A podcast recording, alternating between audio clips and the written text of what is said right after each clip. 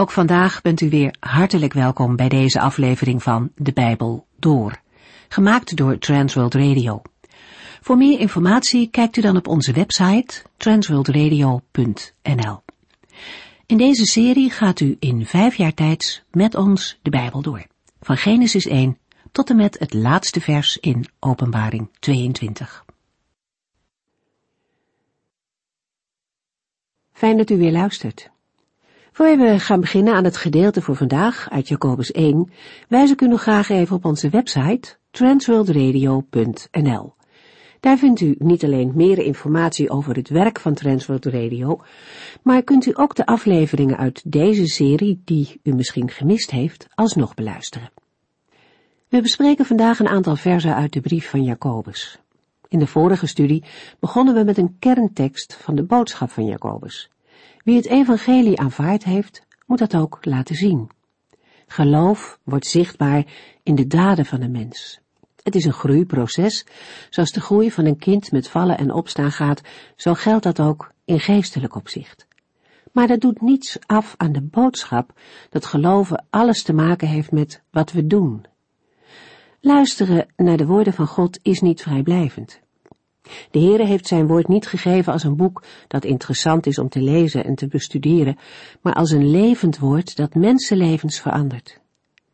Gods woord laat zien wat juist en goed is. Het vormt ons, zodat God ons voor zijn goede werken kan gebruiken. Gods woord laat ons ook zien welke punten in ons leven niet goed zijn, met de bedoeling dat we die veranderen. Wie de Bijbel leest, maar meteen ook weer naast zich neerlegt, is iemand die in de spiegel kijkt, zich omdraait, wegloopt en vergeten is hoe hij eruit zag, zegt Jacobus.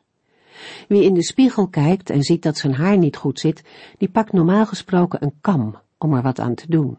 Anders heeft het immers helemaal geen zin om in de spiegel te kijken. Zo is het ook met bijbellezen. We moeten aan de slag gaan met wat we daarin tegenkomen. Het woord van God maakt duidelijk wie we werkelijk zijn. Het dringt door tot in ons diepste wezen.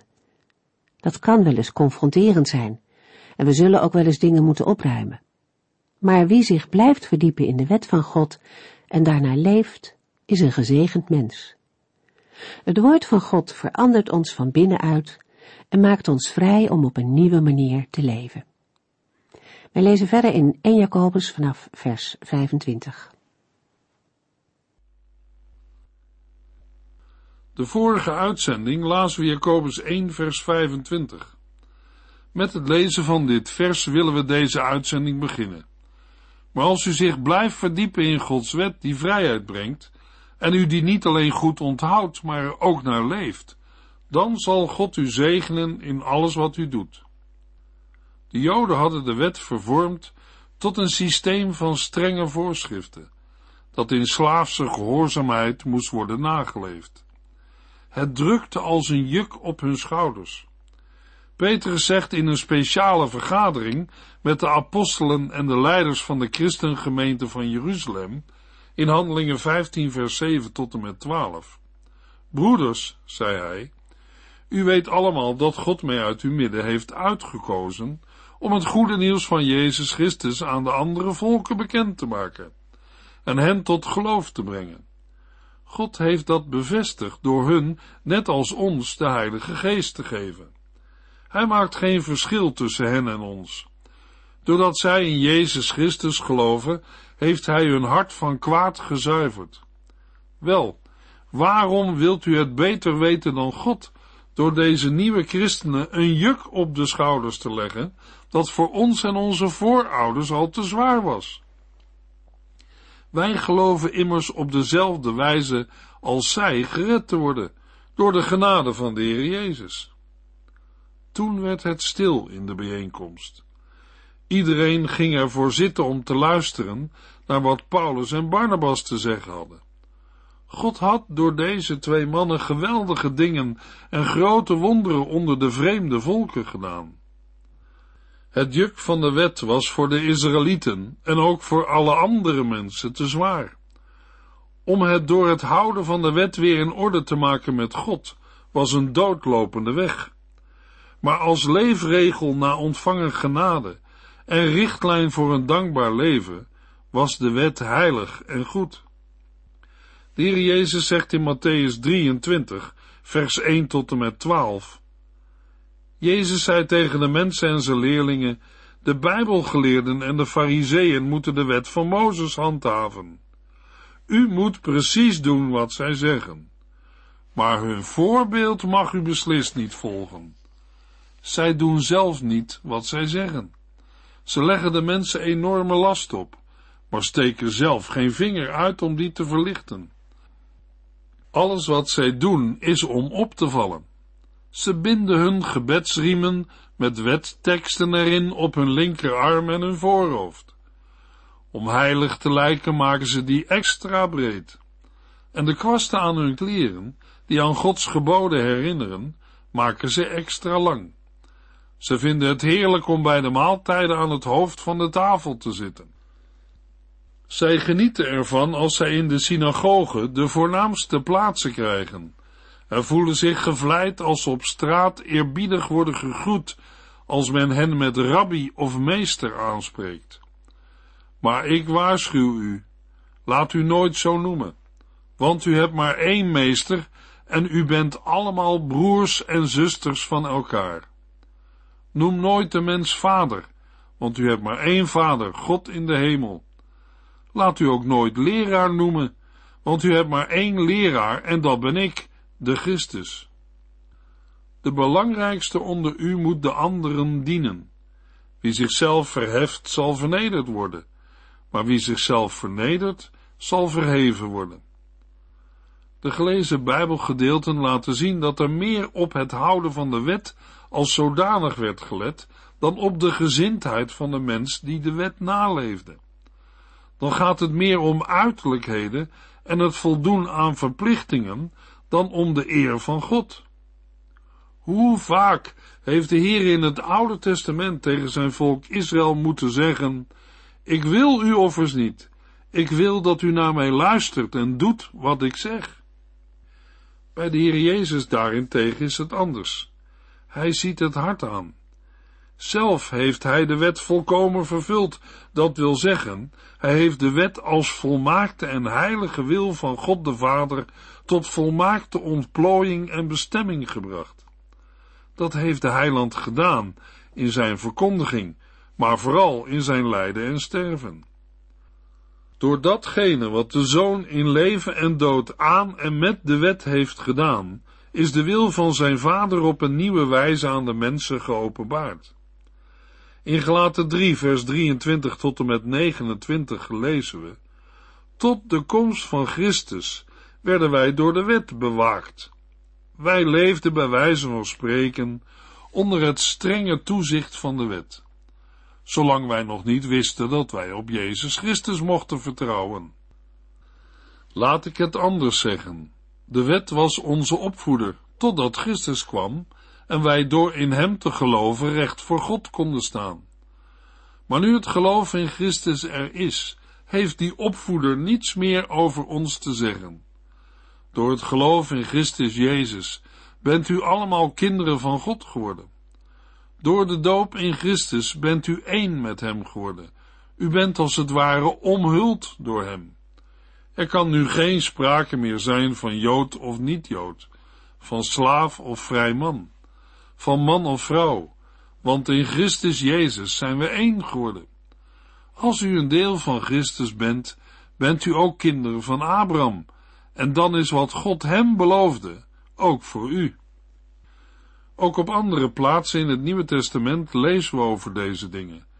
Bijvoorbeeld in Johannes 8, vers 36, waar de Heer Jezus tegen de Joodse leiders zegt: Als u door de Zoon van God wordt bevrijd, zult u werkelijk vrij zijn. Verderop in Johannes 14, vers 15 zegt de heiland er ook bij: Wie van mij houdt, zal altijd volgens mijn geboden leven. Het leven met Christus werkt zich ook uit in concrete praktische daden. Bijvoorbeeld in Gelaten 6 vers 2, waar Paulus schrijft, u moet elkaars moeilijkheden en problemen dragen, dan voldoet u aan de wet van Christus.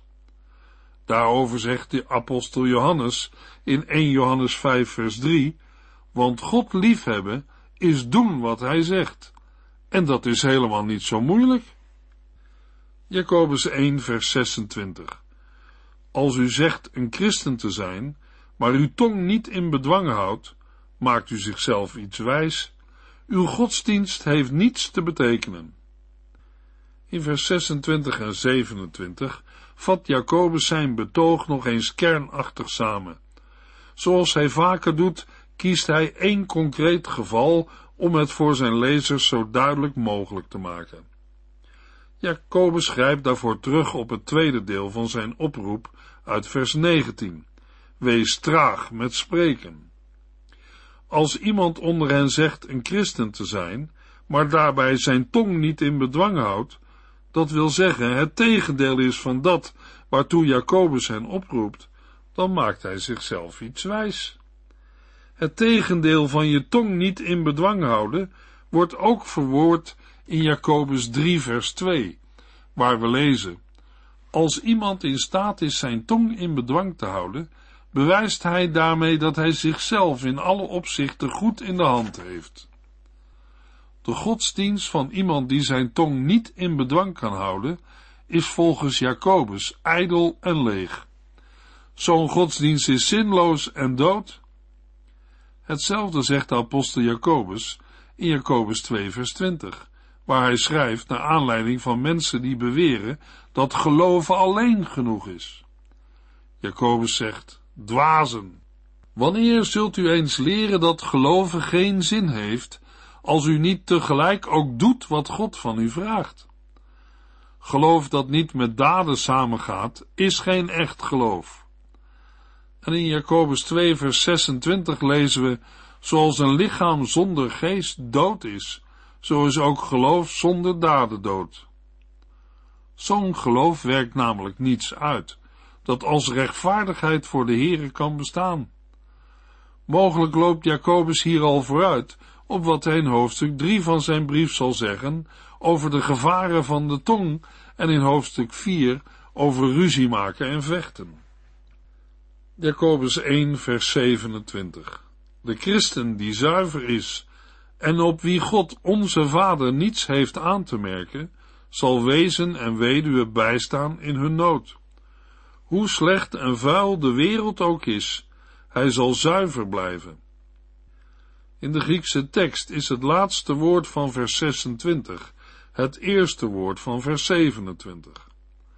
In vers 26 geeft Jacobus concreet aan welke godsdienst volgens hem ijdel is en niets te betekenen heeft.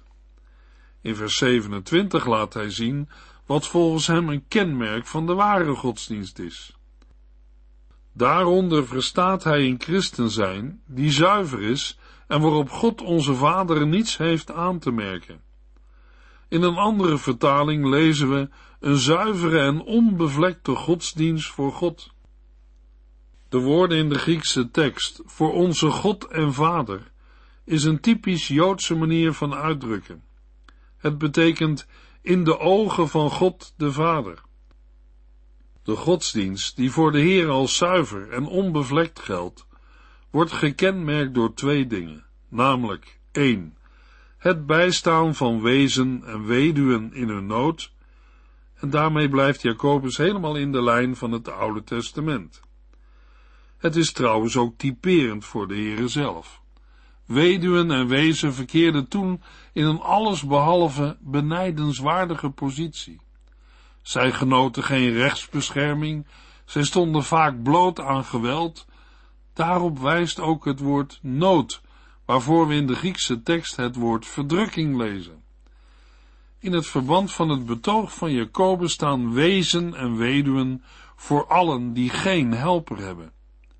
Kenmerk nummer twee van een godsdienst die voor de Heere zuiver en onbevlekt is, is de afstand ten opzichte van de wereld. Met het woord wereld heeft Jacobus de slechte en vuile wereld op het oog. De wereld die de Heere vijandig gezind is, die aan de aardse geneugden en de rijkdom is verslingerd. Als een gelovige zich van de besmetting van deze wereld weet vrij te houden, dan is dat een bewijs van een zuivere en onbevlekte godsdienst en vroomheid. Een onbevlekte godsdienst moeten we opvatten als onbesmet in morele zin. De woorden hij zal zuiver blijven wijst op het duurzame karakter ervan. De heer Jezus zegt in Johannes 15 vers 10, want de Vader is van mij blijven houden, doordat ik mij aan zijn geboden heb gehouden. In beide elementen van de ware godsdienst gaat het om het handelen naar of het doen van Gods woord. Steeds weer klinkt tussen de regels het refrein van Jacobus brief. Geloof dat niet met daden samengaat, is geen echt geloof. Jacobus 2 vers 1 Broeders en zusters, nu gelooft in Jezus Christus, onze glorierijke Heer, moet u geen onderscheid meer maken tussen arm en rijk. De aanspraak broeders en zusters wijst erop dat er nu een nieuw gedeelte begint. In ons geval een nieuw hoofdstuk. Het gedeelte gaat over het feit dat een waar geloof in Christus een eind maakt aan discriminatie. Toch borduurt Jacobus in het tweede hoofdstuk door op het slot van het vorige gedeelte. Het is voor zijn lezers kennelijk niet zo gemakkelijk om zich onbesmet en zuiver van de wereld te bewaren. Het valt af te leiden uit de vermaning in Jacobus 2 vers 1. U moet geen onderscheid meer maken tussen arm en rijk. Blijkbaar laten zij zich nog wel eens leiden door wereldse motieven. Mogelijk denkt Jacobus daarbij aan het voortrekken van de rijken boven de armen.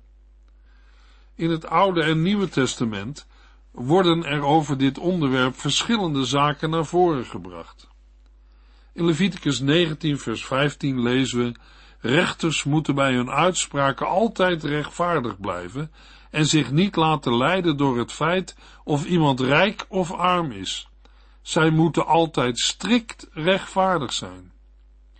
In Deuteronomium 10, vers 12 tot en met 18 zegt Mozes namens de Heere tegen het volk Israël. En nu, Israël, wat verlangt de Heere uw God anders van u, dan dat u met eerbied en ontzag luistert naar alles wat hij zegt? Dat u voor uw eigen bestwil de geboden die ik u vandaag geef, gehoorzaamt, en dat u van hem houdt en hem dient met heel uw hart en ziel. Alle hemelen behoren toe aan de Heere, uw God, ook de aarde met alles wat daarbij hoort. Hij koos uw voorouders uit en hield zoveel van hen dat hij u, hun kinderen, boven elk ander volk stelde. Besnijd daarom uw harten, reinig u van zonde en wees niet langer koppig. De Heer uw God is God boven alle goden en Heer boven alle heren. Hij is de grote en machtige God, de onzagwekkende God, die onpartijdig is en zich niet laat omkopen. Hij verschaft recht aan weduwe en wees. Hij heeft vreemdelingen lief en geeft hun voedsel en kleding. In Deuteronomium 16 vers 19 vult Mozes nog aan, verdraai het recht nooit in het voordeel van een rijke en neem geen geschenken aan, want geschenken verblinden de ogen van de meest wijze mannen en beïnvloeden hun beslissingen. Ook in het Bijbelboek Spreuken komen we Bijbelgedeelten tegen over het thema rijk en arm. In Spreuken 24 vers 23 lezen we over partijdig. Het is verkeerd om in de rechtspraak partijdig te zijn.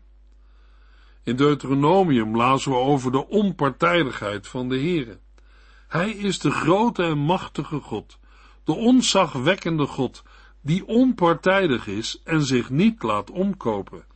Hij verschaft recht aan weduwe en wees. In Romeinen 2 vers 10 en 11 bevestigt de apostel Paulus de onpartijdigheid van de Heere met de woorden, maar ieder die het goede doet, zal door God worden verhoogd en vrede ervaren. Ook dat geldt niet alleen voor de Joden, maar eveneens voor alle andere mensen, want God maakt geen onderscheid.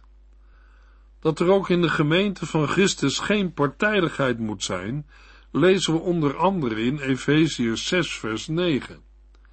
Slaveneigenaars, u moet op uw beurt uw slaven goed behandelen. Spreek hen niet dreigend toe.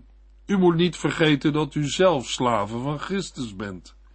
U hebt dezelfde meester als zij, en voor hem bent u elkaars gelijken. Ook in zijn oordeel is de Heere onpartijdig. In Colossense 3 vers 25 lezen we, maar wie iets slechts doet, krijgt het zelf weer terug, en daarbij maakt God geen onderscheid. De apostel Petrus maakt duidelijk in 1 Petrus 1 vers 17 dat de Heere iedereen beoordeelt naar zijn daden. De Heere oordeelt zonder aanzien van de persoon. Jacobus moedigt de gelovigen aan hetzelfde te doen. Broeders en zusters, nu u gelooft in Jezus Christus, onze glorierijke Heer, moet u geen onderscheid meer maken tussen arm en rijk. Jacobus denkt aan concrete gevallen van partijdigheid, zoals het voortrekken van de rijken op grond van hun uiterlijk, prachtige kleding en gouden ringen. Dat is onverenigbaar met het geloof in de Heer Jezus Christus. Zijn heerlijkheid wordt dan vervangen door die van de rijken. Maar dat is een heel andere heerlijkheid, die vergaat en is aards. Jacobus 2 vers 2 Stel u voor dat u bij elkaar bent en er komt iemand binnen met dure kleren aan en gouden ringen aan zijn vingers. En u doet onderdanig en zegt, gaat u maar zitten, meneer, dit is een goede plaats voor u. Om zijn lezers te laten zien dat partijdigheid onverenigbaar is met het geloof in de Heer Jezus, en om dat tegenover de gelovigen te motiveren, geeft Jacobus in vers 2 een praktisch voorbeeld. Gezien de levendige beschrijving mogen we aannemen dat Jacobus getuige is geweest van een soortgelijk voorval. In ieder geval wil hij door het zo naar voren te brengen de aandacht van zijn lezers er direct en persoonlijk bij bepalen. De woorden, stel u voor dat u bij elkaar bent en er komt iemand binnen, hebben betrekking op een godsdienstige bijeenkomst en de ruimte waar men samenkomt. In de Griekse tekst wordt ook het woord synagoge gebruikt, wat vergadering betekent. Omdat het Jacobus bij dit voorbeeld vooral gaat om dat wat er gebeurt, zullen we moeten denken aan een godsdienstige bijeenkomst. In het voorbeeld van Jacobus gaat het om het onverwacht binnenkomen van een man die opvalt door zijn gouden ringen en zijn prachtige kleren. Iemand van grote welstand. Tegelijk met deze rijke gaat er ook een arme naar binnen met vuile, versleten kleren aan, mogelijk iemand die tot de bedelstaf is vervallen. Jacobus 2 vers 3 en 4 Maar aan een arme man die tegelijk met die ander binnenkomt, schenkt u nauwelijks aandacht. Als u dan tegen hem zou zeggen, blijf daar maar staan, of ga ergens op de grond zitten, dan zou u mensen op hun uiterlijk beoordelen. U zou zich laten leiden door verkeerde maatstaven. In vers 3 beschrijft Jacobus de reactie van de gelovigen in het geval dat hij in het vorige vers beschreef. En ook dit doet hij op een heel plastische manier. Nu neemt hij zelfs de directe reden te baat om het allemaal maar zo aanschouwelijk mogelijk voor te stellen. Om te beginnen laat Jacobus zien dat de aandacht van de aanwezigen zich direct richt op de rijke man die binnenkomt. Aan de arme, die tegelijk met hem binnenkomt, wordt nauwelijks aandacht geschonken. Het onderdanig doen tegen de rijke man moeten we niet alleen letterlijk, maar ook figuurlijk opvatten. Ze kijken tegen hem op, maar geven hem ook extra aandacht en een goede plaats. Ze nodigen hem uit op een van de beste plaatsen te gaan zitten, mogelijk een soort erezetel voor een schrift- of bijbelgeleerde. In Matthäus 23 vers 6 lezen we daar ook over. Jezus zegt daarover bijbelgeleerden en fariseeën, zij genieten ervan als ze in de synagoge de voornaamste plaatsen krijgen.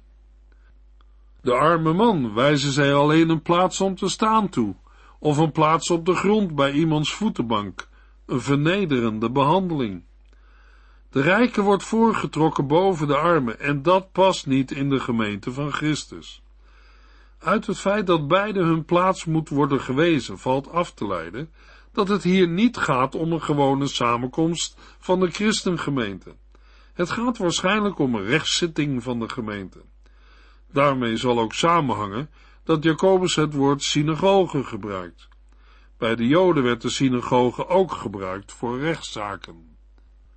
Dan volgt de eigenlijke hoofdzin. In de Griekse tekst is de zin geformuleerd als een retorische vraag. Wanneer zij zo zouden handelen als Jacobus in zijn voorbeeld stelt, laten zij zich dan niet leiden door verkeerde maatstaven. Als zij zo te werk zijn gegaan, dan hebben zij zich opgeworpen als rechters die zich door verkeerde overwegingen hebben laten leiden. En dat past niet bij de heren en daarom ook niet bij zijn volgelingen, bij de gelovigen. Want, lezen we in vers 4, dan zou u mensen op hun uiterlijk beoordelen en u zou zich laten leiden door verkeerde maatstaven. In de Griekse tekst wordt zelfs het woord rechters gebruikt. We lezen dan, maakt u dan geen onderscheid onder elkaar en treedt u dan niet op als rechters die zich door verkeerde overwegingen laten leiden? Maar daarover meer in de volgende uitzending. U heeft geluisterd naar De Bijbel Door, in het Nederlands vertaald en bewerkt door Transworld Radio. Een programma waarin we in vijf jaar tijd de hele Bijbel doorgaan. Als u wilt reageren op deze uitzending of u heeft vragen, dan kunt u contact met ons opnemen. Tijdens kantooruren kunt u bellen op 0342 478432. 0342 478432. Ook kunt u een e-mail sturen naar de Bijbel door transworldradio.nl en natuurlijk kunt u ook via de post ons bereiken. TWR, postbus 371, postcode 3770, AJ in Barneveld. Dit programma werd gepresenteerd door Cor Weda en Ike André. Techniek was in handen van Odin van Voerkom. En wij allemaal bedanken u voor het luisteren. Graag tot de volgende keer.